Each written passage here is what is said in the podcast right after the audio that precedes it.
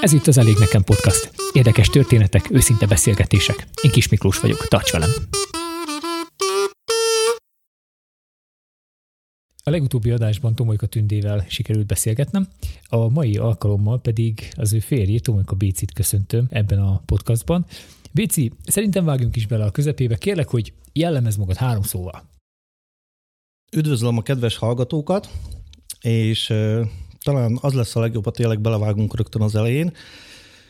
Ezt a kérdést, hogy három szóval jellemezem magamat, talán nem is olyan egyszerű megválaszolni, ugyanis ezt a kérdést talán azoknak kellene feltenni, akik engem ismernek, de ha mégis jellemezni kéne magamat, akkor talán a három szóba nyitottság lenne, aztán a józan paraszti ész, ami szerintem a mai világban elég fontos, tehát hogy ne komplikáljuk túl a dolgokat. És a harmadik jellemzőm talán az egyszerűség, de ide talán még oda tehetném azt is, hogy harsány is vagyok egyúttal. Tehát, hogyha vagyunk olyan társaságban, akkor talán én is vagyok egy ilyen szóvivő. Oké, okay, köszönöm szépen. Hát ez sikerült, nem biztos, hogy én tudnék most három szót mondani. És akkor bővebben is kérlek, hogy mutatkozz be a hallgatóknak. Jó, hát akkor az én nevem Tomolyka Vojtko Béla, ám bár legtöbben úgy ismernek engem, mint Tomolyka Bélának. A Vojtko nevet azt valahol, nem is tudom, valahogy mindenki elhagyja, pedig ennek is van egy érdekes története, hogy hogy lettem én végül is Tomolyka Béla. Ugye született Leleszi vagyok, tehát a édesapám után, édesanyám után ugye a Vojtka nevet kaptam, tehát sokáig Vojtyek volt a nevem, ugye jött a rendszerváltás, és akkor úgy döntöttünk, hogy akkor a Bélára átírjuk ezt a Vojtyeket, és ezt a név áttírást egybekötöttük, amikor összeházasodtunk a feleségemmel, akkor úgy, úgy döntöttünk, hogy, hogy ha már névváltoztatás lesz, akkor, akkor már ezt a Bélát is, a Vojtyeket Bélára mindenképpen át kell írni. Ugyanúgy ekkortájt a Tomoly Ková is átkerült Tomolykára, a uh-huh. feleségem neve, és hogy hogy került hozzám a Tomolyka név, ezt sokan megkérdezik tőlem, hogy, hogy, hogy végül is ennek mi a eredete. Tehát nagyon egyszerű volt a választás, hogy amikor összeházasodtam a feleségemmel Tündével, akkor volt egy ilyen dilemma, hogy ha Tünde felveszi a Vojtko nevet, mivel Tündének nincsenek fiú testvérei, akkor tovább nem szállt volna a Tomolyka név. Erre megegyeztünk, közös megegyezés az volt, hogy akkor én ezt magamra vállalom azzal, hogyha a gyerekeink születik, akkor ezt a Tomolyka nevet tovább tudják vinni. Tehát ez egy gesztus volt a feleségem aha, iránt. Aha. Úgyhogy én úgy gondolom, hogy itt is van egy ilyen, hogy egy ilyen nyitottság számomra. Tehát nem az a lényeg, hogy, hogy most valamihez kimondottan ragaszkodunk, rögződjünk be valamibe, hanem én azt gondolom, hogy ha van valami olyan dolog, ami, amivel valakinek jót tudunk csinálni, vagy, vagy csak a, a, a saját döntésünk valakinek a javára megy, akkor szerintem bátran változtassuk meg véleményünket. Tehát innestől Aha. kezdve, ugye a gyereken két gyerekünk született, mind a kettő tomolyk, és innestől kezdve a tomolyka név tovább száll. Aha, hát ez nagyon jó. Az előző adásból kiderült, a feleséget Tünde elmondta, hogy hogyan lettél operatőr. Mi szerettél volna lenni előtte?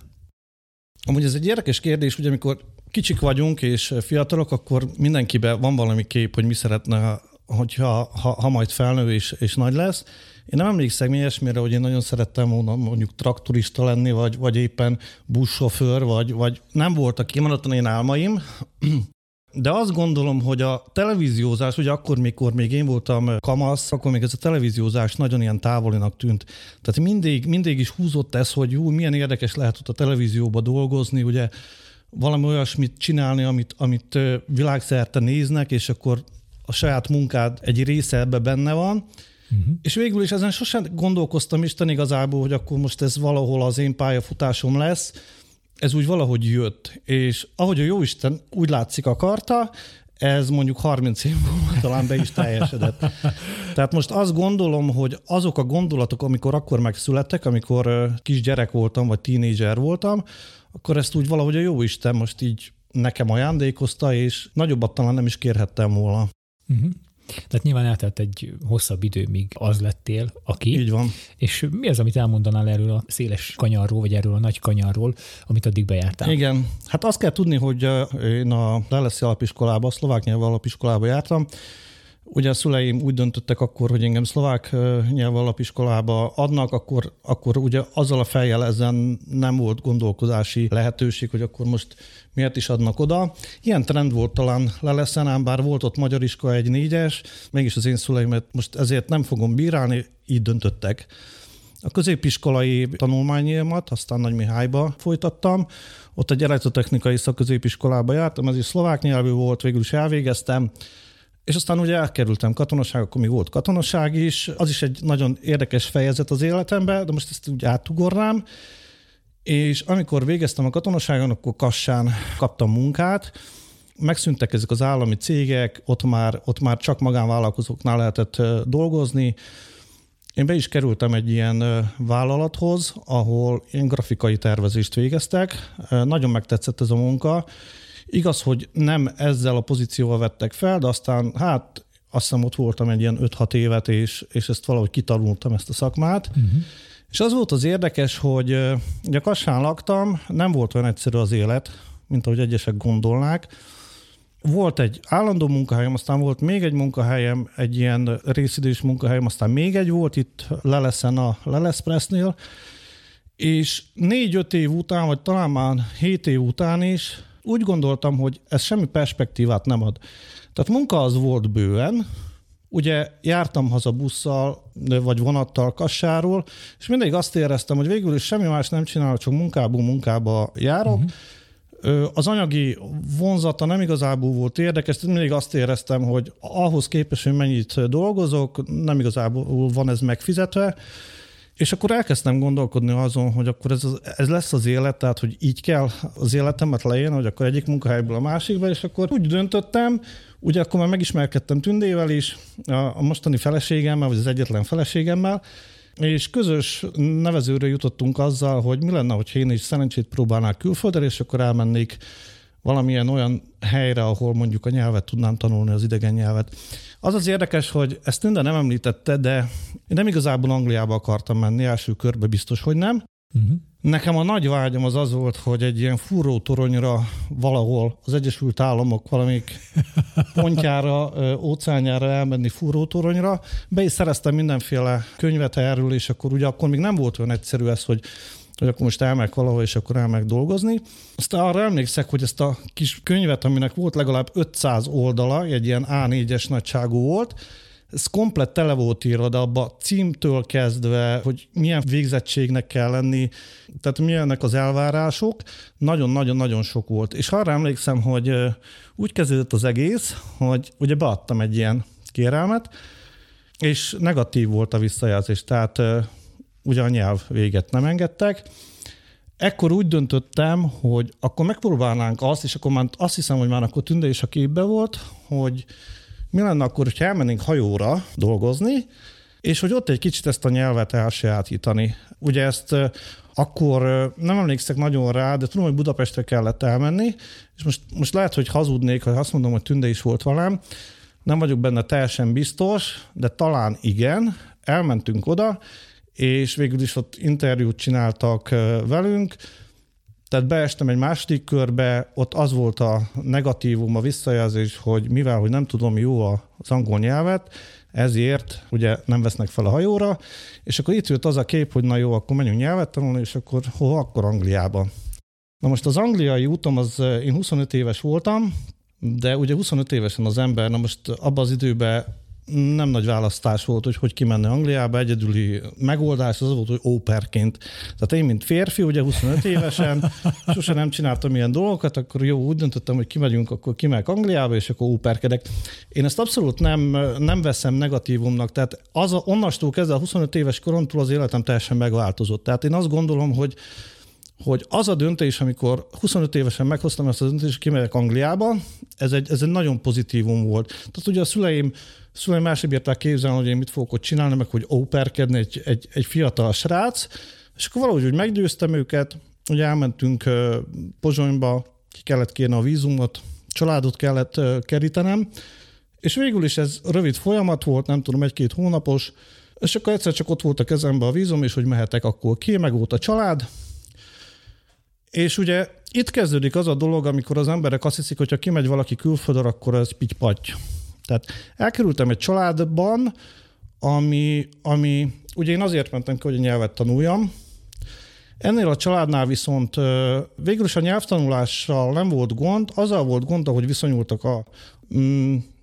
számomra egy negatív pozícióba kerültem ennél a családnál.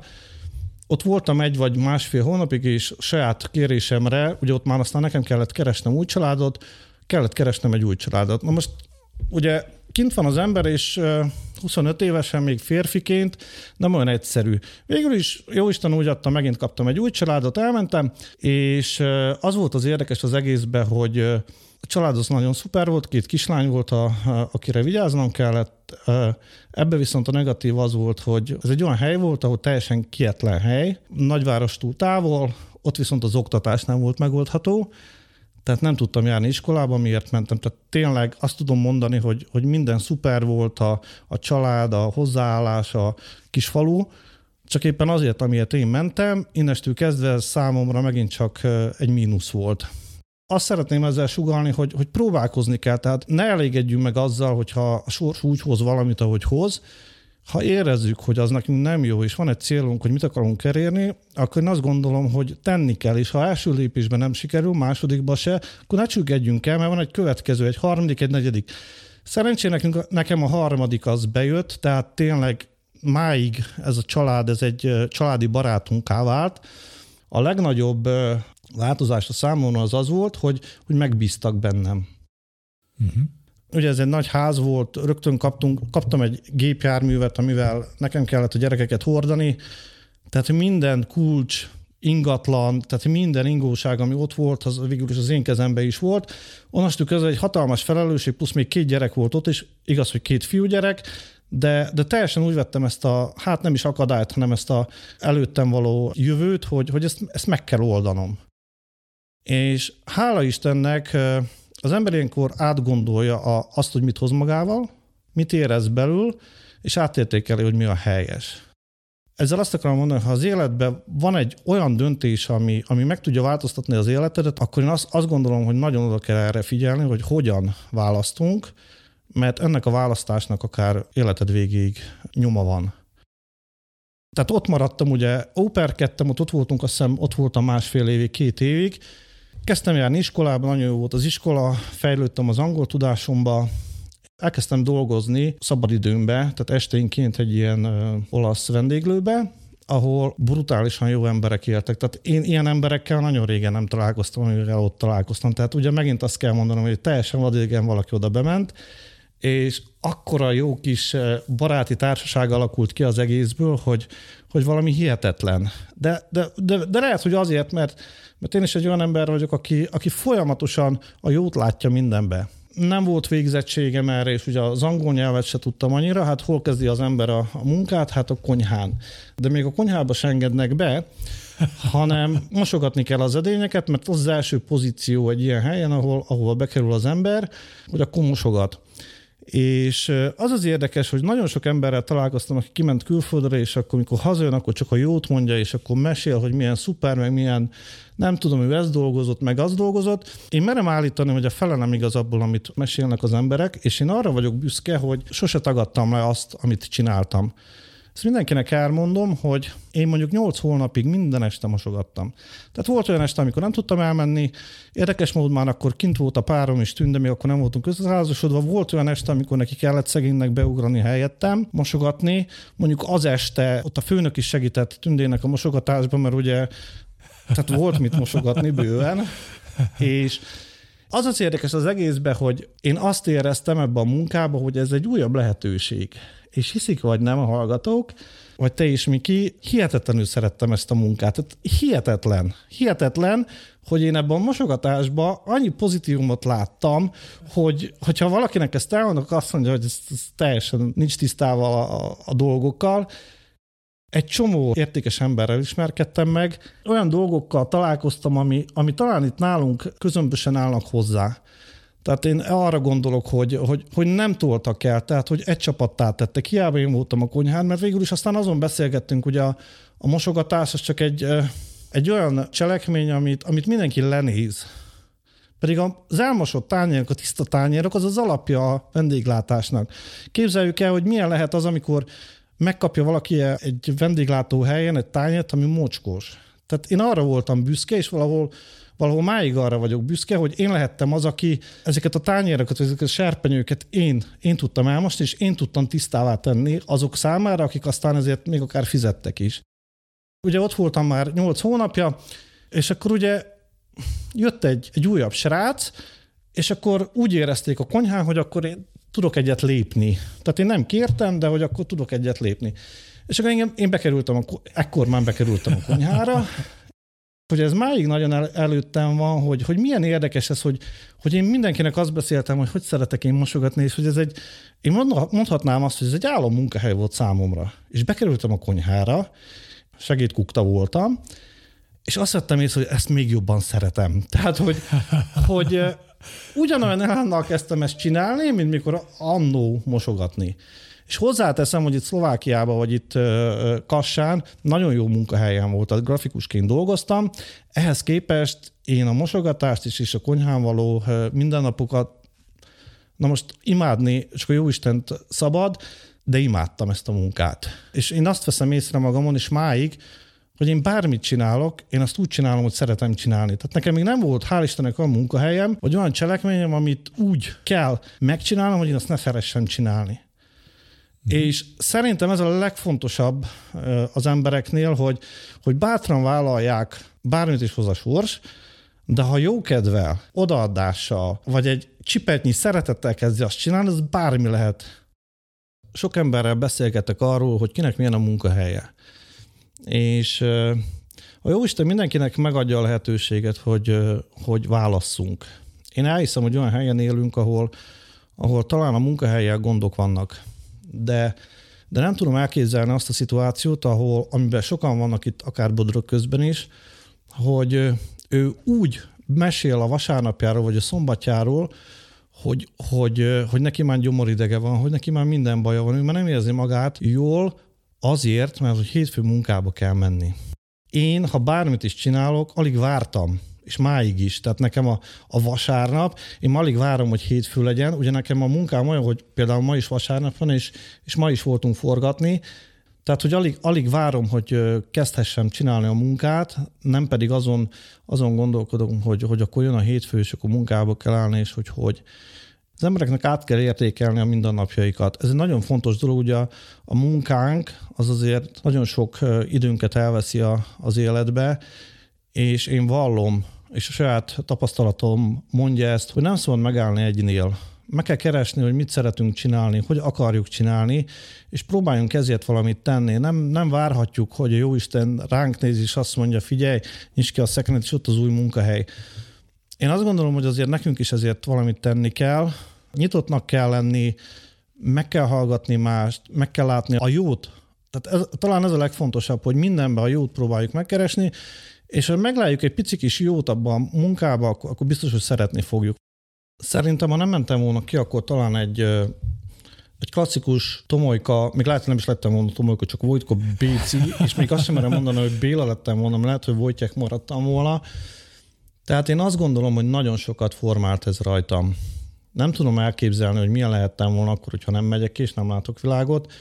Biztos, hogy volt bennem valami, amit magammal vittem, ezt a nyitottságot, amit mondtam is, ezt a három jelzőt saját magamra, a nyitottság, a józan paraszti ész, vagy pedig a, a, az egyszerű embernek a gondolkodása. De én azt gondolom, hogy alapból kell bennünk lenni valaminek. Tehát egy pozitivitás ez mindenképpen jó, ha van. Ne lássunk dolgokat borulátóan nagyon. Biztos vannak olyan szituációk, amikor az ember nem látja a kiutat, de de mindig van megoldás. Tehát minden nap le, lenyugszik a nap, és aztán újra fel kell, Úgyhogy bízunk abba, hogy ha valami nem is úgy van aznap, akkor ha nem is másnap, akkor lehet, hogy jövő héten hoz nekünk a Jóisten valamit. Ezért viszont valamit tenni kell. Tehát egy kis nyitottság, kis barátkozás, az még senkit nem bántott meg, hogy valahogy így viszonyuljunk egymáshoz. És még az én kis utamról még talán annyit hozzá, hozzátennénk, hogy Ugye a 2000-es években nagyon sokan kimentek külföldre, és főleg Angliába, hogy Anglia volt az a hely, ahol, ahol nagyon könnyen, úgymond könnyedén ki lehetett menni operként. ez volt az egyetlen módja is talán. Aztán, amikor már kinyitott a határok, akkor voltak más lehetőségek is, de mikor én kimentem, és, és ott voltam, és eltöltöttem ott néhány évet, aztán már tündével is, és mikor megkérdezték, hogy mikor hazajöttünk, és megkérdezték, hogy milyen volt, akkor, akkor én ezt mind elmondtam. Aki megkérdezte tőlem, akkor ezt mind elmondtam. És, és nagyon soktól hallottam azt, hogy fú, Anglia, és akkor ott állandóan esik az eső, és ott szélfú, és akkor ott, ott milyen depressziósok az emberek. És az az érdekes, hogy én ezt nem így láttam. Tehát én tőlem, amikor valaki megkérdezi, hogy milyen volt Angliában, akkor én azt mondom, hogy borzalmasan jó volt. Imádtam az, az időjárást. Tehát szerettem, amikor egyik percben sütött a nap, a másik percben esett. Amikor az eső egy hétig van, és gumicsizmába kell kint járni, és azt is nagyon szerettem. És ugye a családomnál mind a kettőnél volt kutya is, és akkor, és akkor ki kellett vinnem a kutyát, és, és nem is volt kérdéses, hogyha esik az eső, vagy, vagy fúj a szél, hogy kimegyünk-e. És ez egy újabb olyan dolog, amikor én azt gondolom, hogy, hogy az emberek itt nálunk nagyon el vannak kényelmesedve. Tehát ott ugye az angol az nem teheti meg azt, hogy esik az eső, vagy ha fúj a szél, akkor nem megy ki, mert akkor fél évig akár otthon van, vagy fél hónapig.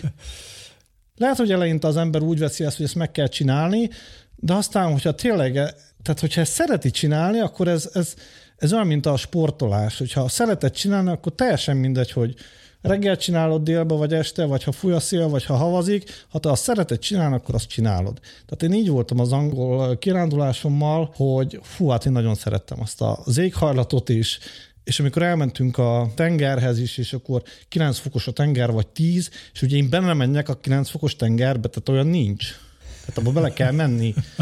és ugye amikor én már hazajöttem, akkor döbbentem rá ezekre a dolgokra, hogy ami még az előtt problémát okozott, és máig problémát okoz néhány embernek, vagy a családoknak, az nekem abszolút nem probléma. Tehát nekem ilyen, hogy most akkor valamit meg kell oldani, azonnal megoldom, ha tudom, nem hetekig lamentálok felette, esik az eső, nem esik, ha mennem kell, akkor megyek, ha havazik, ha nem tudom mi, akkor ha is dolgom van, akkor én ezt csinálom. Tehát ne, engem ez nem tud befolyásolni. Ezek a dolgok, ami azelőtt viszonylag befolyásolt, és, és itt van megint az, hogy a családi hagyomány mit hozunk magunkkal, hogy tudjuk ezt elhagyni. Nem kell minden családi dolgot elhagyni, de azért van dolog, amin, amin lehet változtatni, és én azt gondolom tényleg ez a világot járás, ez nagy részben hozzá tud ahhoz tenni, hogy, hogy az életünket talán másképp éljük meg, és úgy, ahogy, ahogy szeretnénk, talán így. Volt kint kapcsolatotok magyarokkal is, vagy angol nyelven beszélgettetek? Aki volt kint külföldön, és főleg a 90-es években, a 2000-es években, azt tapasztalta, hogy, hogy első dolog az embernek, amikor leszáll a repülőgépre, vagy elmegy a családhoz, akkor rögtön próbál valami hazai kapcsolatokat keresni. Mm, na most én, én ebbe is más voltam, mert nekem az volt a célom, hogy megtanuljak angolul, és rájöttem, tehát az nyilvánvaló volt, hogyha ha összejövök a magyarokkal vagy a szlovákokkal, akkor az angol tudásom az, az nem fog fejlődni. És igen, ez, ez arról szól, hogy, hogy ezt megállt kell parancsolnod. Én legalábbis az én szituációmban, én azt próbáltam csinálni, hogy ugye barátkoztam velük, de, de nem kerestem a mindennapos baráti kapcsolatokat.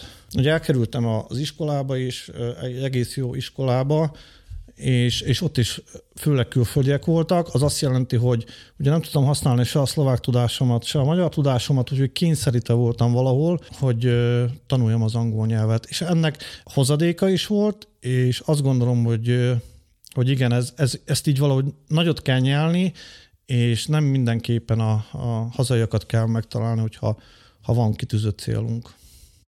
A kérdés, amit most fel fogok tenni, az egy előre elkészített kérdés, és az alapján, amiket most elmondtál, már lehet egy kicsit én is gondolkozom, hogy feltegyem, de azért felteszem. Egy tízes skálán most mennyire vagy elégedett azzal, ahol és ahogy most vagy? Hát ha a tízes skálán kellene mozognom, akkor azt mondom, hogy 25, de én azt gondolom, hogy hogy vannak szituációk az életben, amit talán meg lehetne nevezni, hogy ez most jobban sikerült, kevésbé. Tehát ilyen a művészeti terem, mondjuk én ott azon a skálán úgy valahogy nem nagyon teljesítek. Tehát festegetés, rajzolás, tehát ez nem nagyon megy nekem. Ám bár próbálkozok, de, de hogy a skálán, hogy hova tenném magamat, én sehova se tenném magamat. Tehát nem szeretem magamat beskálázni. Vannak szituációk, amikor a mínusz 5-nél érzem magamat jó, és akkor vannak szituációk, ami akár a, 10, a 10-es skálán a 15-öt is megüti, vagy a 22-t, teljesen mindegy szerintem. Tehát saját magunknak nem merjük bevallani azt, hogy, hogy valamiben jók vagyunk-e, vagy nem. Én vallom, hogy van, amit tudok, és valamit teljesen nem tudok, vagy valamiben jobb vagyok, és valamiben kevésbé jobb, vagy abszolút nem tudom ezt csinálni. És uh, én ezt el is vetném ezeket a kis összehasonlításokat, tehát, hogy nekem van nagyobb kapu, mint a szomszédnak, vagy, vagy nekem jobb a kocsim, mint a másiknak, vagy éppen az én gyerekem jobban táncol, mint a másik, tehát hogy én ezt, fú, és ezeken nagyon nagy harcokat szoktam vívni, mert nem is értik az emberek, hogy én ezt miért nem akarom csinálni. Tehát én azt érzem, hogy ez a rivalizálás ez sehova se vezet. Tehát inkább próbáljunk uh, saját magunkba belenézni, és ez lenne a fő cél, hogy, hogy saját magunk életét próbáljuk egyengetni. Tehát na azt nézzük meg, hogy a szomszédnak ilyen, meg, meg a barátunknak olyan, meg a nem tudom minek ilyen, hanem próbáljunk úgy élni, hogy na most megfordítom ezt az egészet, én nem azt akarom ezzel mondani, hogy engem másoljanak, de hogy igen, hogy érezzék, hogy van egy másság is. Tehát itt, amit említettem, tehát nincs kapunk, Na most ennek lehet egy olyan hozadéka is, hogy olyan helyen lakunk, ahol ezt nem tudjuk megengedni magunknak, hogy ne legyen kapunk, mert ugye bejön valaki, és akkor eltulajdonítanak dolgokat az udvarról. Én a másik oldalt pedig azt mondom, hogy ha senkinek nem lenne kapuja, akkor senki nem venne el senkitől se semmit, mert az lenne normális. Tehát azt, hogy valaki kaput állít a telke körül, az azt jelenti, hogy valamitől fél, vagy, vagy úgy gondolja, hogy mindenképpen valami rossz történhet. Nálunk is megtörténhet, hogy valamit eltulajdonítak, de merem állítani, hogy annak is megtörténik, akinek kapuja van, és még annak is, akinek három méteres kapuja van. Tehát ez sem segít abban, amilyen célral végül is mondjuk ezt a kaput építették. És itt próbálom ezt a másságot sugalni, hogy, hogy át lehet értékelni ezeket a dolgokat. Kell nem kell? Kell-e nagyobb? Nem kell nagyobb. Tehát kell egy nagy autó, vagy egy kis autó is elég. Mindenki próbálja úgy élni, hogy, hogy valamit hagyjunk a következő nemzedéknek is. Tehát próbáljunk meg, próbáljunk mértéket tartani, ez nagyon fontos szerintem. Tehát ha valamire van szükségünk tényleg, akkor a szerezzük be, vagy csináljuk meg, de amire nincsen szükségünk, és csak azért próbáljuk ö, megszerezni, vagy megcsinálni, mert másnak is van, én ezt nem tartom jó ötletnek. Tehát mindenképpen itt is a tanulás, ami itt szoktam azt mondani, hogy figyelj, tanuljál olyan embertől, aki, aki más, mint te. Tehát a más embertől sokkal könnyebben lehet tanulni, mint olyan embertől, aki pont olyan, mint te. Mert az olyantól már nem tudsz tanulni semmit, de egy más, aki másképpen gondolkozik, akinek más az elfoglaltsága, aki más dolgot csinál, attól viszont nagyon sok mindent el lehet sajátítani. A munka, amit végzel, az erősen kreativitásra épül. Ugye említetted, hogy te igyekszel nyitott lenni, és nem, nem csak a, a hagyományos keretek között gondolkozni. Miből merítesz erőt, lendületet, ötleteket? Kik vannak rád hatással? Szerintem ez is egy nagyon jó kérdés. Mm, nem is tudok pontosan erre válaszolni. Tehát Nekem soha nem volt, és, és valahol nincs is példaképeim. Lehet, hogy ez most nagyzolásnak hangzik, szóval nem érzem azt, hogy kellene lenni példaképemnek. Na most az biztos, hogy vannak dolgok, amit én is megfigyelek, vagy, vagy megpróbálok elsajátítani emberektől, de hogy egy konkrét személy, hogy ő a példaképem, nem tudnák felsorolni egyet se. Ugye én a sportot annyira nem szeretem, vagy, vagy nem vagyok otthonos a sportba, a tévébe nem nagyon tévézek, annak ellenére a tévéknek dolgozom. Úgy kedvenc filmem sincs. Ezek a nagy valakik számomra nem fontosak. És pff, legyen az egy orvos, legyen az egy sportoló, legyen az egy színész. Én azt gondolom, hogy ezek ugyanolyan emberek, mint mi. Tehát ugye, ugye ezt, hogy valaki valakire felnéz, vagy, vagy, vagy valakit istenítünk, úgymond, ez, ez szerintem nem helyes. Nem gondolom, hogy egy élsportoló többet ér, mint az, aki reggeltől estig az utcákat takarítja, vagy éppen egy vendéglátó iparban, nem tudom, felszolgál. Sőt, én azt vallom, hogy azok az emberek sokkal többet érnek, mint azok, akiket a társadalom nagyját teszi. Mindenképpen azt gondolom, hogy ha, ha valami munkát végzünk, akkor igen, tanulni kell, el kell sajátítani ezeket a technikákat, vagy, vagy gondolkodási módokat, ami ahhoz a munkához szükségeltetik, akár legyen a sport is, de mondjuk az én szakmámban például a vizuális látás, vagy én nem tudom, nagyon nem vagyok otthon a zenébe se, és egy csomó olyan munkám van, ahol a zene megválasztása és az én feladatom, és például pont ez az a hely az én munkámban, ahol fú, legelőször szörnyen éreztem magam, amikor az első feladatot kaptam, hogy akkor zenét kell nekem választani. Ugye nem ismertem ezeket az előadókat, és akkor semmiféle ötletem nem volt, hogy akkor mi, mi illene oda, vagy mi passzolna. És aztán idővel rájöttem, hogy hú, teljesen mindegy, hogy milyen előadót teszek oda. Én azt gondolom, hogy az a srác, aki egy zongorán csinál egy másfél perces kis zene aláfestést, tud olyan jó lenni mondjuk, mint valamilyen nívós zeneszerző. Már utaltál arra, hogy az utókornak, vagy az utánunk jövőknek is hagyjunk valamit, és ehhez kapcsolódik az a tény, hogy elektromos autóval közlekedtek. Hogy jött ez a ti mindennapjaitokba? Körülbelül tíz éve építkeztünk Pólyán község szélén, és az építkezés során ugye ez megint abból indul szerintem, hogy kint voltam külföldön, és láttam mást is. Hazajöttünk, elkezdtünk építkezni, és, és maga a háznak a megtervezésén jött már ez az ötlet, hogy, hogy mi lenne, ha olyan házba laknánk, akkor még csak én voltam is a feleségem, ahol ugye az energiatakarékosság fő célpont lenne, és ugye ezek az energiatakarékos dolgok és, és mindenféle technikai hátterek, ezek nagyon drága dolgok. De, de akkor, amikor az ember épít egy újat, akkor a jövőbe tud gondolkodni azzal, hogy ha nem is tudunk mindent megvalósítani azonnal, akkor a közeljövőben próbáljuk ezt valamilyen mértékben aztán növelni. Na most a mi házunk, ez egy érdekes ház, sokak számára ez egy egyterű, az azt jelenti, hogy nincsenek elválasztó falak, ez egy négyzet alakú ház. Van egy emelet, de inkább ez egy ilyen fél emelet, és akkor ugye ez tetőig belátszik ez a beltér, elég magas, ez egy ilyen 6-7 7 méter talán a beltere, és már akkor azon gondolkoztam, hogy, hogy mindenképpen világossá teszük a házat, hogy minél több fény jöjjön be, Ugye a déli oldalról végig ablakok vannak, tettünk fel tetőablakokat, tehát amikor süt a nap, akkor ez a napsugár ugye fel tudja melegíteni a házat, és akkor nagyon sok világosságot ad a házba. Tehát ezzel energiát tudunk spórolni, ezzel nem kell világítani egész nap. Ugye a fűtés is nagyon egyszerűen megoldva, egy terű, tehát bárhol fűtünk, akkor az egész házba kialakul a hőérzet, a meleg. Úgyhogy itt kezdődött szerintem az energia tudatosság. Néhány évvel ezelőtt viszont talán két évvel ezelőtt volt, amikor egy kicsit így megmosolyogtam magamat akkor, amikor Szlovákiába, és most ezt nem azért mondom, mert hogy kigúnyoljam, de Szlovákiába jött egy ilyen felhívás, hogy mindenki ültessen egy fát a jövőnkért. Én akkor azért mosolyogtam el magamat, mert a mi portánkon körülbelül 150, azt hiszem, hogy 150 fát ültettünk el mikor én ezt megláttam és meghallottam, és akkor azon gondolkoztam, hogy vágjam ki a 149 fát, hogy akkor, hogy akkor, akkor ez így legyen kerek, akkor tudatosítottam ezt, hogy fú, nagyon le vagyunk maradva. Tehát bizonyos emberek tényleg még ott járnak, hogy akkor elütletünk egy fát, akkor megmentjük a bolygónkat, a következő nemzedéket. Hát nem így van szerintem. Tehát én azt vallom, hogy ha tudunk ezért tenni, akkor tegyünk bármit tehát ne egy fát, ha a felhívás az van, hogy egy fát ültetünk, akkor ne egyet ültessünk. Ha van módunk hármat, akkor ültessünk hármat. Ha van rá módunk 13-at, akkor ültessünk 42-t.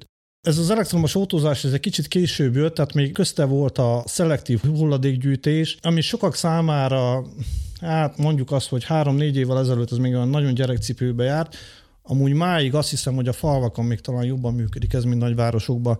Tehát a városi emberek nem igazából hajlandók arra, hogy tisztelt a kivételnek, hogy, hogy erre nagyon odafigyeljenek. Tehát mindig van valaki, egy gyenge láncem, aki, aki ugye beledobja abba a hulladékgyűjtőbe a, a másfajta hulladékot, amivel a, a többségnek a munkáját kidobta az ablakon. Én azt gondolom, hogy a kertes házaknál ez sokkal-sokkal jobban működik. Mindenkit arra szeretnék kérni, hogy saját magától kérdezze meg, hogy eleget tesz-e a hulladékgyűjtésnek, vagy a szelektálásnak, mert mert azzal, hogy most összekeverjük a, a hulladékot, és nem bánjuk, hogy, hogy, hogy hova kerül, aztán nézzünk a gyermeke, gyermekeinkre is, és akkor kérdezzük meg saját magunktól, hogy ér ez annyit, ez a három, ez a négy perc, vagy ez a tíz perc hetente, hogy megtesszük azt, hogy, hogy valami módon segítsük a további generációt, hogy legalább úgy éljenek, mint mi. Na és akkor, hogy hogy jött ide az elektromos autózás, Ugye a munkámból kifolyólag nekünk is kellett egy jármű, volt mindenféle gépjárművünk, nem mint hogy személygépjármű.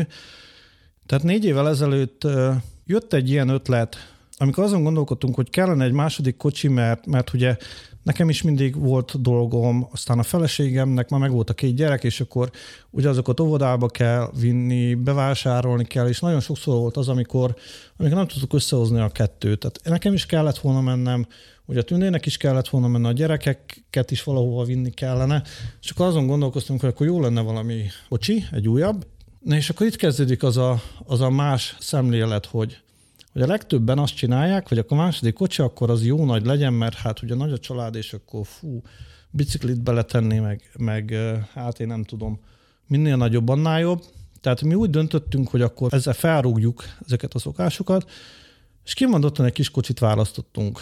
És amikor szélnéztünk a piacon, akkor vettem észre, hogy fú, elektromos autózás, tényleg ez négy évvel ezelőtt ez, ez, ez, ez olyan volt, hogy szerintem senkinek nem volt itt a környéken elektromos kocsia, sőt, merem állítani, hogy Szlovákia, itt Kelet-Szlovákiában se volt nagyon sok, és akkor belevágtunk egy kis, kis fiat, biztosan sokan látták ezt a kis narancsága fiatot, 500-ast, tehát elhoztuk az első elektromos autót azzal a célral, hogy ha tudunk, akkor még környezetbarátabban tudjunk mozogni, és azt gondolom, hogy ez egy nagyon jó választás volt. Tehát, hogy visszamenőleg visszagondolva négy évre, azt gondolom, hogy ez, ez volt az egyik legjobb választás. Volt már több fajta kocsink, de, de ez az elektromos autó volt a, az egyik leg, legjobb választás, és ehhez párhuzamosan hozzájárult az is, hogy állami támogatásból tudtunk feltenni napkollektorokat a házunkra, akkor érdemes elektromos kocsival járni, vagy, vagy használni, hogy ha, ha kihasználjuk a napenergiát, úgymond, ugye, és akkor ezzel a napenergiával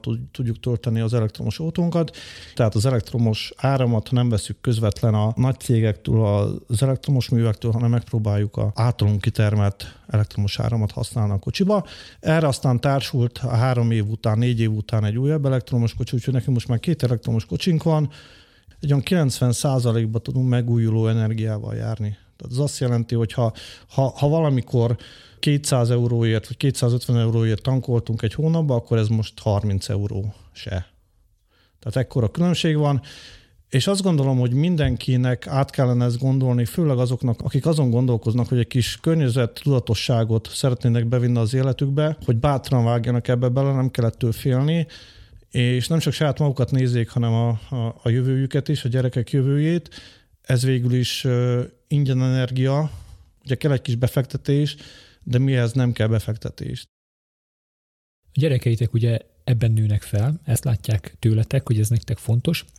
Van arról visszajelzésetek, hogy mondjuk ők a barátaik között ezt továbbadják-e? Ugye azt kell erről tudni, hogy hogy is mondjam, van egy ilyen összehasonlítás, hogy a, a, a gazdi az mindig hasonlít a kutyájára, vagy inkább a kutya a gazdiára. Ezt többen észrevettük, biztosan így van, hogy akinek van kis kutyája, vagy nagy kutyája, az, az, az valahogy, valahogy ugyanúgy néz ki a, a gazdája is, viccet félretéve. Én azt gondolom, hogy ha ebben nőnek fel, akkor ennek lesz valami hozadéka. Na most a mi gyerekeinknek ez teljesen természetes. Tehát ez annyira természetes, mint másnak az, hogy reggel fogat mos, vagy felkül az ágyból az azt jelenti, hogy nagyon oda tudnak figyelni arra, hogy mennyi vizet engednek, mikor engedik ezt a vizet, hogy a lámpákat leoltják maguk után, ám bár vannak, most ugye tínédzser a, a nagyobbik fiú, és akkor vannak ilyen rossz pillanatai, hogy úgy hagyja dolgokat, de, de úgy általában véve, általában véve igen. Ugyanazt csinálják, mint mi, még akkor is, hogyha most ugye mondom tínédzserek, és akkor, és akkor most próbálnak ellenkezni, hogy milyen más gondolkodásúak. Baráti körben is próbálnak próbálják ugyanezt a magot elhinteni, hogy, hogy próbáljanak odafigyelni, próbáljanak szelektálni. Ugye az elektromos autózás ez nem egy olcsó mulatság egyelőre. Én azt gondolom, hogy egy kisebb kaliberű kocsinál azért ez az ár már megfizethető bárkinek, akár mint második kocsinak is. És igen, a gyerekek egymás közt is sokat szoktak erről beszélgetni, hogy akkor fú, akkor most dízeles, vagy, vagy, vagy benzines kocsi, és akkor mi lenne, ha elektromos lenne, és akkor és akkor tudjuk ezek a rivalizálások, hogy nekem, nekünk ez van, akkor ez a jobb, annak az van, akkor az a jobb. De igen, látni a gyerekeken, hogyha, hogyha folyamatosan hallják ezeket a dolgokat, akkor, akkor ők is próbálnak tudatosan, tudatosabban élni. Tehát úgy szintén az energia megtakarításon, a víz, az zuhanyzás, most nem az van, hogy meg van tiltva, hogy ki mennyit zuhanyozon, de igen. Tehát egy zuhanyzás ne, ne legyen több, mint nem tudom, 3-4-5 perc És ezzel, hogyha ha csak, ha csak minden zuhanyozásnál 3, 4, 5, 10 litert tudunk megspórolni, azt számoljuk ki, hogyha egy négy tagú családnál az egy nap az legalább 40-50 liter megtakarítás, és ez nem soknak tűnik, de a Földön vagyunk 8 milliárdon, 7 és fél, és én azt gondolom, hogy csak a 10%-a próbálna hasonlóképpen gondolkodni, akkor, akkor bízok benne, hogy, hogy lenne egy kis előrelépés a jövőbe. És itt szeretném megkérni azokat a, az embereket, vagy azokat a szervezeteket, akik, akik tudnának ebbe segíteni. Tehát azt gondolom, hogy már óvodás korba kellene ezt hinteni.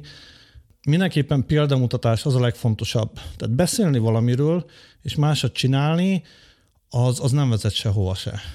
Tehát, tehát van a Környezetvédelmi Minisztérium, ahol nem is tudom most ki a miniszter, úgy változnak a dolgok, de azt gondolom, hogy ha ők azonnal ők is átváltanának akár megújuló energiára, csak, csak a minisztériumra feltennének napkollektorokat, vagy csak a kocsikkal, nem azzal járnának, amivel járnának, beérnék egy kicsit kisebbel, vagy egy kis odafigyeléssel, nem tudom, elektromos autókat szereznének be, én sokkal jobban örülnék ennek az országnak, mint ahogy amit képviselnek.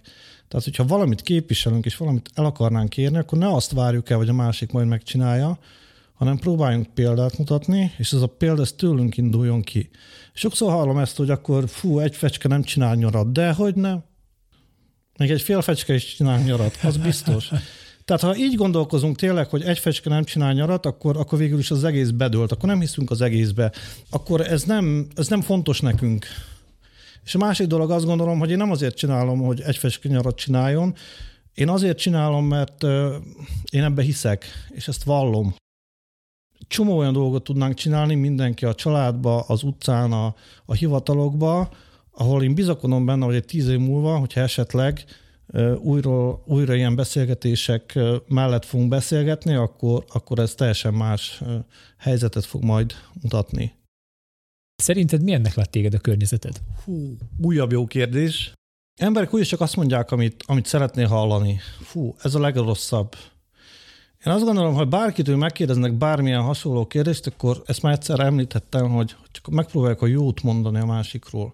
Hát persze, ott aztán mennek a, a kiselések, meg a hátba döfések, de, de ha így szembe valakitől megkérdezzük, hogy milyen ember vagy, akkor, akkor csak a jó tulajdonságokat tudjuk felsorolni. Na most, hogy én milyen ember vagyok, az, azt szerintem nem is tőlem kellene megkérdeznem, azoktól az emberektől, akik ismernek engem, hogy milyen vagyok.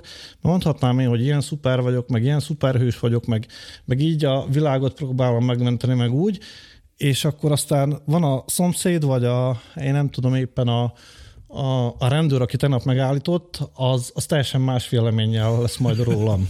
Tehát, hogy, hogy, hogy milyen vagyok a mások emberek szemébe, fú, ez azért olyan kérdés, ahol, ahol a skálán az 1-től 20-ig mozog, sőt vannak, hogy mínuszokban megy ugyanez a, az a skála, tehát a 0-tól mínusz 20-ig is.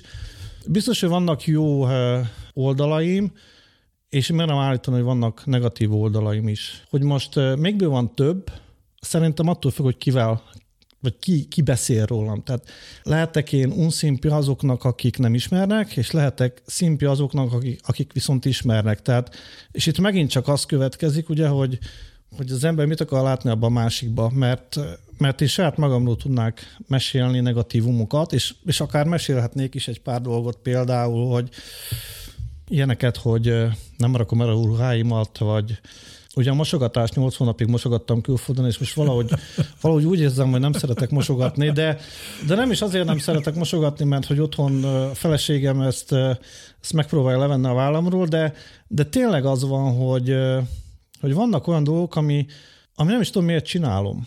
Tehát lehet, hogy valahol ez bennem is van, hogy akkor azért se fogom eltenni azt a ruhát, vagy, vagy valakivel azért is így fogok beszélni, vagy azért is. Az ember szerintem nem lehet mindenki szemébe jó. Tehát akkor jó egy ember, amikor van személyisége. A személyiség, ez, ez tényleg nem tetszik mindenkinek. És akivel én szoktam beszélni, vagy aki engem ismer, az tudja, hogy én egy ilyen, hát, egyenes ember vagyok talán, meg szoktam mondani, ami nem tetszik, ami sok embernek nem tetszik, úgy szintén, de, de én inkább megmondom szembe, mint hogy a hátameget mondjam. Sőt, én megmondom a hátameget is, de biztos, hogy szembe is. Vannak barátaim, én azt mondom, hogy nagyon sok barátom van, én azt gondolom, hogy a, a barátság az nem abból fakad, hogy a, valakinek a Facebookon ezer barátja van, bejelölt barátja. Én a barátságot abban látom, hogy ha van három olyan barátom, akit felhívok hajnali kettőkor, és van olyan nekem, legalább három, és akkor három, hajnali kettőkor tud nekem segíteni, és, és úgy segít, hogy ha bajba vagyok, akkor, akkor megtesz bármit, azt nevezem én barátságnak. És ezek a barátaim, hogyha, hogyha nem akarom őket megnevezni, de ezek a barátaim viszont csak azért a barátaim, mert, mert végül is ők is tudják, hogyha fordítva is működik ez. Tehát ha ingyen felhív hajnali kettőkor, akkor én is ugyanúgy fogok neki segíteni. Az lenne a legjobb, hogyha mindenki saját maga körül kialakítana egy, egy olyan helyzetet, hogy, hogy ugye, ahogy mondtam is, hogy mindenkiben van valami rossz, de próbáljuk meg megkeresni azokat a tulajdonságaikat, a, amiért szerethetők ezek az emberek. Tehát én is vagyok valamikor nyers szabú, van, amikor visszafeleselek, tehát biztos, hogy vannak olyan szituációk, amikor úgy átgondolom, hogy no, ezt azért nem kellett volna megmondani, de végül is ettől vagyunk másak, tehát ettől még szerethetőek vagyunk, vagy nem. Amikor ilyen egyenes vagy, vagy amikor hangot adsz a te véleményednek, a te vélt igazságodnak, ebben van valami küldetéstudat is, vagy ez egy jellem, jellemvonás, ami belőled fakad? Én szeretném azt hinni, hogy azért jöttem a világra, vagy azért vagyok ezen a világon, hogy tudjak valami pozitívat is átadni az embereket, vagy esetleg kövessék példáimat. Éppen mielőtt jöttem el ide ezt a podcastot felvenni, a nagyobbik fiam azt mondta, hogy apja, bármit is fogsz mondani, te Tomolyka Béci vagy rád fognak hallgatni, tehát mondjál valami olyanokat, amit majd, majd követhetnek az emberek. Én nem gondolom, hogy engem követni kell. Én azt gondolom, hogy mindig vannak példák, amiket követni kell, és ez teljesen mindegy, hogy most én csinálom ezeket a példákat, vagy éppen te, Miki, vagy valaki a hallgatóságból. Ha ugye ez is, hogy mi a jó példa. Valakinek, amit én csinálok, az jó példa, és van olyanok, aki ugyanez a példa rossz példa, vagy éppen őt nem érdekli ez. És tényleg olyan ember vagyok, akitől, ha bármit megkérdeznek, én egyenesen és, és spekuláció mentesen válaszolok. Tehát, hogyha velem történik valami rossz, és valaki megkérdezi ezt a hasonló példát, akkor én elmondom neki ezt a rosszat is. Tehát, tehát azokat nem igazából csípem, akik, akik ezt elhallgatják. Tehát ugye fú, ezt, amit beszéltünk is, ugye, hogy mindenki próbálja magát fényezni. Tehát lehet itt egy, egy, egy banális dolgoknál, mit tudom én, valamit vásárol az ember, és, és épp most valamit vásároltunk a, a, a fiamnak, és megvásároltuk, és rájöttünk, hogy nem jó.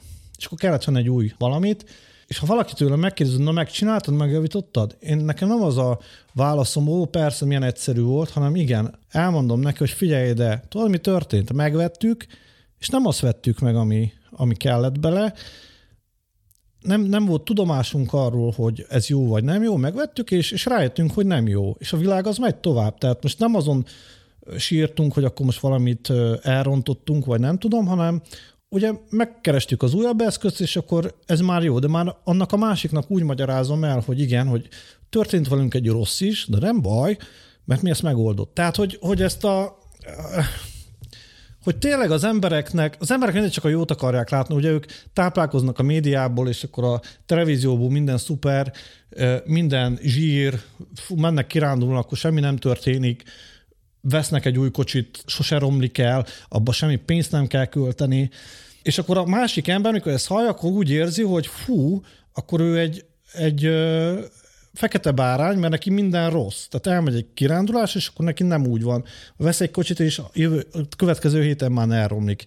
És higgyék el nekem, hogy mindenkinél van ez, csak vannak emberek, akik ezt eltitkolják, vagy, vagy nem akarják szándékosan megmondani, és ezzel a másikat valahol bántják, meg is bántják, vagy, vagy a másikkal azt éreztetik, hogy te egy lúzer vagy, mert a te életed ilyen nem, nem jó, az enyém meg minden tökéletes úgy ismertelek meg titeket, mint akik nagyon sok időt töltötök együtt, mint család. Ezt otthonról hozzátok, vagy ez menet közben vált fontossá?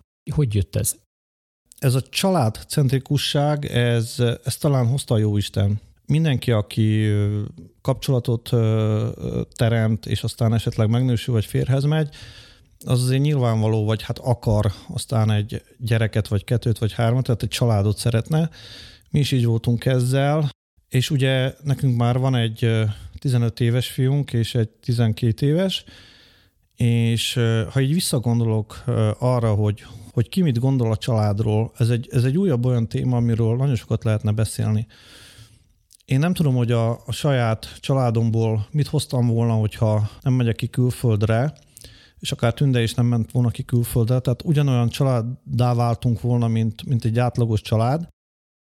Én azt gondolom, hogy a gyereknevelés az, az egy kicsivel többet jelent annál, hogy egy bakancslista kihúzása, és pedig azért gondolom így, mert tényleg, és biztos, hogy vannak ellenpéldák is, de van a gyerek, van a szülő, és van a nagyszülő. És mindenki külön utakon jár, úgymond.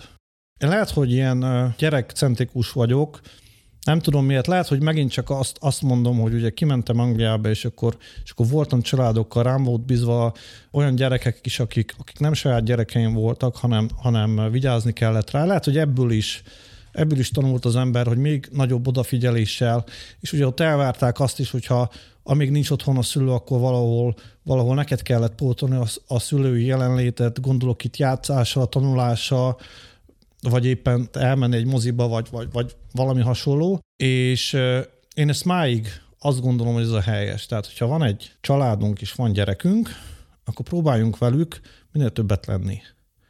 Tehát ne az legyen, hogy reggel találkozunk, és aztán este találkozunk, aztán leülünk valamit megnézünk, és akkor másnap ugyanez következik, aztán jön a hétvégén mindenki elfoglalt, és így elmegy egyik hét, aztán a másik, aztán már a gyerek 10 éves, aztán 15, aztán elmegy, hanem próbáljunk minél többet velük lenni. És ami nehéz, én azt gondolom, az az, hogy az ő szintjükön próbáljunk velük lenni. Én nagyon szeretem azt, amikor valamit csinálnak a gyerekek, és akkor megkérdezik a véleményemet. De valószínűleg azért kérdezik meg, mert tudják, hogy nekem az fontos, azok a cselekmények, amit ők csinálnak, vagy vagy éppen a barátjaikkal van, és akkor felhív telefonon, és akkor hogy én mit szólok hozzá. De, de ugyanúgy fontos nekem, hogy ha, ha délután ki akarnak menni biciklizni, vagy ki akar, és megkérdezik, hogy apja, te is jössz velem biciklizni, és én, és én ja, van, amikor azt mondom, hogy nem érek rá, de van nagyon sok olyan, amikor azt mondom, hogy persze, menjünk. Példának szoktam mondani, hogy ugye Bodrog köz nem nagy, Hungvidék Bodrog köz, de mivel a mi gyerekeink kicsit messzebbre jártak iskolába, Kisgéresbe, Ugye napi szinten kellett őket hozni-vinni. Az iskolában is tapasztaltuk, hogy azok a egykorú gyerekek, akikkel a saját gyerekeink jártak iskolába, nem igazából találkozgattunk olyan helyeken, ahol, ahol szerintem bármikor összefuthattunk volna. Gondolok itt éttermekre, vagy, vagy éppen egy fagylaltozóra, vagy nem tudom, egy mozinál. Mert az emberek többsége azt gondolja, hogy hú, hát ezt, ezt vagy a gyereknek külön kell megcsinálni, vagy, vagy elmegy anya, vagy elmegy apa, de úgy, úgy családosan nem igazából, nem igazából látom ezeket a példákat, amit szerintem nagyon sajnos. Biztos, hogy vannak kivételek, biztos, hogy vannak emberek, akik valami véget ezt nem tehetik meg, de én azt gondolom, hogy az lenne a helyes, és az lenne a legjobb, hogyha minél több időt töltenénk a saját gyerekeinkkel, és ugye mi otthon dolgozunk, nagyon sokat vagyunk otthon, az azt jelenti, hogy a, fú, a napnak a most azt mondom, hogy a 80%-át otthon töltjük, de most Covid időszak alatt szerintem a 96%-át töltjük otthon. Úgyhogy itt most már mi is érezzük, hogy a jobbul is megállt a sok, de azt gondolom, hogy ez a együttlét, ez azért a jövőbe hoz majd egy nagy pozitívumot. Tehát csak úgy lehet egy családot összekovácsolni, hogyha megbeszélik gondjaikat, bajukat, és itt szeretném még azt hangsúlyozni, hogy, hogy ugye nagyon sok ember, mi, mi egy jó helyzetben vagyunk azzal, hogy otthon, otthonról dolgozhatunk, és vannak nagyon sok család, aki nem otthonról dolgozik, hanem ugye reggel elmennek dolgozni, és akkor hazajönnek délután, mindenki fáradt, mindenki nyűgös, nem sokat vannak együtt mondjuk, vagy mindenkinek más baja van, és aztán jön majd a nagy kirándulás, és akkor elmegy a család kirándulni. Na de én azt látom, hogy a, a családi kirándulások se családi kirándulások. A családok úgy mennek alapból kirándulni, hogy megpróbálnak olyan családokkal együtt menni kirándulni, ahol úgy szintén külön fog kirándulni a, a felnőtt és a gyerek. Tehát a gyereknek alak, alakítanak gyerektársaságot mondjuk, és a felnőtteknek is szükségeltetik ez a felnőtt társaság. Na én ezt nem nevezem családi kirándulásnak. Tehát, hogyha valaki úgy akar elmenni kirándulni, hogy neki kell a pihenés, akkor szerintem ez ne legyen családi kirándulás, hanem akkor menjen a barátaival kirándulni, vagy a feleségével, vagy valakivel külön. De amikor egy családi kirándulás, az a családról szóljon, az azt jelenti, hogy figyeljünk oda egymással, nézzük meg azt, hogy a gyerekek is mit akarnak, próbáljunk velük foglalkozni, tehát nekik is a kirándulás arról szóljon, hogy ha családi kirándulás, akkor családi. Mert ha nem családi kirándulás, akkor ez olyan, akkor menjenek el a barátjaival az iskolából, vagy nem tudom, barátokkal, ha erre vágynak. Tehát legyen olyan is. De én most arról beszélek, hogy a családi kirándulások milyen fontosak. És én, mint kétgyermekes apa, azt gondolom, hogy ezt egy kicsit még tovább kellene vinni, ezt a együttlétet és ezt a mm, közösségápolást a, a gyerekekkel, mert én a saját gyerekeimen is látom azt, hogy vannak olyan dolgok, ami, ugye nekem fiaim vannak, ami, ami fiús. Tehát azért a fiús dolgok, azok messze eltérnek a lányos dolgokkal, akkor is, hogyha itt, itt most valaki nem ért velem egyet. Az azt jelenti, hogy ugye szerintem nagyon jó ápolom apa-fiú kapcsolatunkat, és én máig, tehát még egyszer mondom, a nagyobbik az 15 éves, a kisebbik az 13 éves, én, én máig elmegyek velük biciklizni, én máig elmegyek velük olyan dolgokat csinálni, hogy amiben segíthetek, vagy, vagy éppen elhívnak valahol, vagy éppen ö, közösségben vannak, és, és úgy gondolják, hogy, hogy, hogy szívesen eljönnek velem, vagy vigyem el őket ezekbe a közösségbe. E felett én azt gondolom, hogy nagyon szükségeltetik az is, hogy külön apa-fiú tevékenységeket csináljunk, és itt kitérnék arra, hogy, hogy nagyon jó ötletnek tartom, és mi ezt csináljuk is, hogy, hogy egy külön kirándulás apafiával, vagy, vagy éppen anyalányával. Most az én példám az apafiú, Ugye elmentünk két évvel ezelőtt, most a Covid véget nem tudtunk menni sehova tavaly, de két évvel ezelőtt úgy döntöttem, hogy elmenjünk egy ilyen felfedező útra, ez egy külföldi út volt, és ott kezdődött a, a sztori, hogy, hogy azt szerettem volna, hogy ugye ezek cseperednek ezek a gyerekek, de, de hogy érezzék azt, hogy, hogy van döntési joguk. Ugye otthon mindig az van, amit a szülők akarnak, az iskolában megint az van, amit a tanárok akarnak, egy társaságban megint az van, aki, aki a nagyobb hangú, akkor az van. Én azt gondoltam, hogy, vagyis úgy gondolom, hogy, hogy kell egy ilyen nekik is, amikor, amikor érezheti azt, hogy valami nagyokat dönthet. Tehát, hogy de most ezt, ezt nagyokat döntéseket, ezt nem úgy gondolom, hogy valami vásárlásnál, vagy én nem tudom, építkezésnél, hanem hogy a mindennapi döntéseket áthárítani a gyerekre, és hogy lássa ennek a, a végeredményét. Tehát elmentünk egy kirándulás, és akkor ez egy sátoros kirándulás volt, ez egy, ez egy tíznapos kirándulás volt, és nem volt kötött programunk. Az volt benne a jó, hogy, hogy úgy át tudtunk menni egy sátoros kirándulás, hogy nem kötött, ugye a reptéren leszálltunk, és összefutottunk egy, és ez egy érdekes dolog, hogy összefutottunk a reptéren valakivel, akit, akit soha nem láttunk, még csak, még csak meg se fordult a fejünkbe, hogy valami hasonlóval fogunk találkozni, és az volt az érdekes, hogy, hogy megpecsételte az egész kirándulásunkat egy olyan ember, aki, aki tényleg vadidegen. Tehát leszálltunk ugye a gépről, béreltünk egy kis kocsit, a változatosság kedvéért egy, egy újabb kis Fiat 500-as, igaz, hogy rózsaszín színűt, és a fiam teljesen ott, ott azt mondta, hogy ezt azért ne, nem volt más választás, úgyhogy a rózsaszín kocsiba kocsit béreltünk, és akkor ott a reptéren összefutottunk egy hölgyel, aki ugye adta át a kocsit, és akkor csak rákérdezett, hogy akkor, hogy, hogy hova megyünk. És akkor mi azt mondtuk, hogy felfedezés, felfedező útra. És akkor azt mondja, hogy de hogy mégis. Hát mondjuk, hogy, hogy szeretnénk valamit megnézni, ami érdekes. És akkor azt mondja nekem a hölgy, hol van itt neki egy ilyen kis tér. Volt nekünk elképzelésünk, hogy mi lesz, de hát úgy, úgy majd lesz valahogy.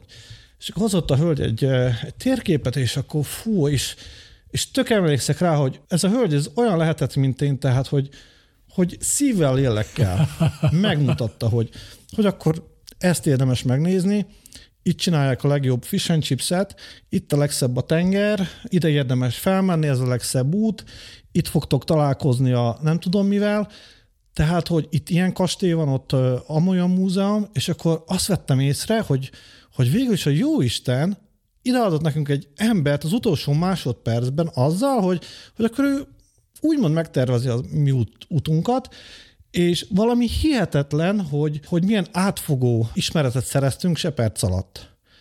És akkor az volt az érdekes, hogy akkor úgy indult az esténk, hogy akkor milyen szuper, akkor van mit néznünk. Tehát úgy indult az egész, hogy lemegyünk vagy 500 kilométert, és a tíznapos kirándulás után azt hiszem, hogy 4000 kilométernél jártunk, tehát hogy azért volt mit nézni, Na és akkor azt akarom ez, ebből kihozni, hogy és innestől kezdve, tehát ugye volt egy ilyen legalább hova megyünk című fejezet, de, de hogy ki mit akar megnézni, és ez teljesen, tehát a reggeli választások, a, ugye sátoroztunk, és annak a kiválasztási helye is teljes, teljes mértékben a, a nagyobbik fiamra volt hárulva, ugye az, hogy mikor menjünk lefeküdni, mikor bontunk sátrat, tehát hogy teljesen ilyen dolgokról, ami a mindennapos kirándulásoknál, vagy mindennapos létünknél tök természetes, hogy valaki más megmondja, itt ez rá volt hárít, vagy akkor ezt ő menedzselje le, és azt vettem észre, hogy ugye első két nap még, még, még ilyen mindig megkérdezte, hogy hogy, meg, meg úgy félt azt mondani, hogy oké, de oda,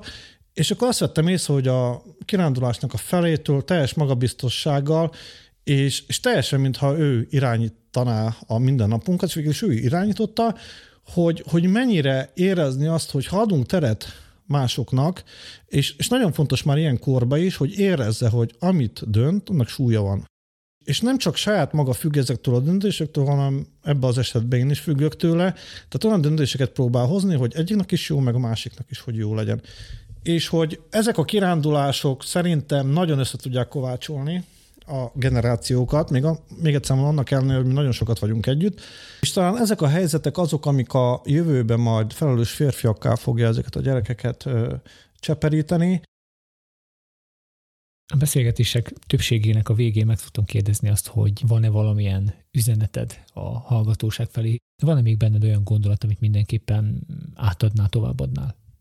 Talán, talán azt szeretném elmondani a hallgatóságnak, azt szeretném tanácsolni a hallgatóságnak, hogy próbáljunk olyan életet kialakítani saját magunk körül, ami pozitívá teszi a gondolkodását, nem csak a sajátját, hanem a környezetét is mert ha úgy éljük le a mindennapjainkat, hogy örülünk a dolgoknak, a legkisebb dolgoknak is, akkor sokkal boldogabbá leszünk mi is, és a, és a saját környezetünket is boldogabbá tudja tenni.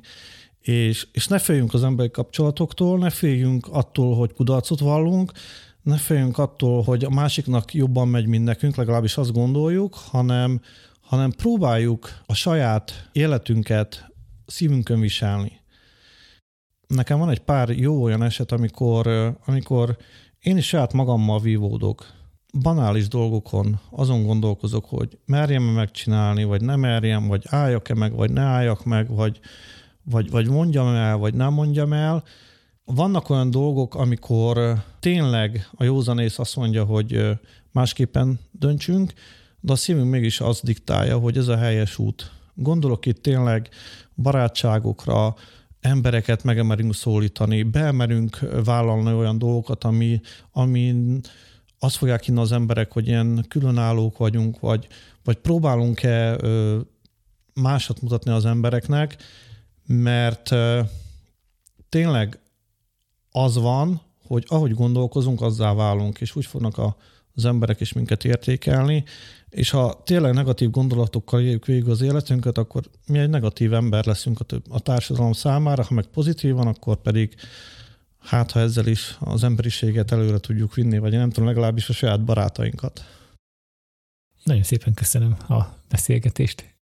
Nekem volt megtiszteltetés, és remélem, hogy ennek a podcastnak lesz egy második része, amikor majd személyesen is találkozunk, bármelyik hallgatóval is beszélgethetünk egy jót.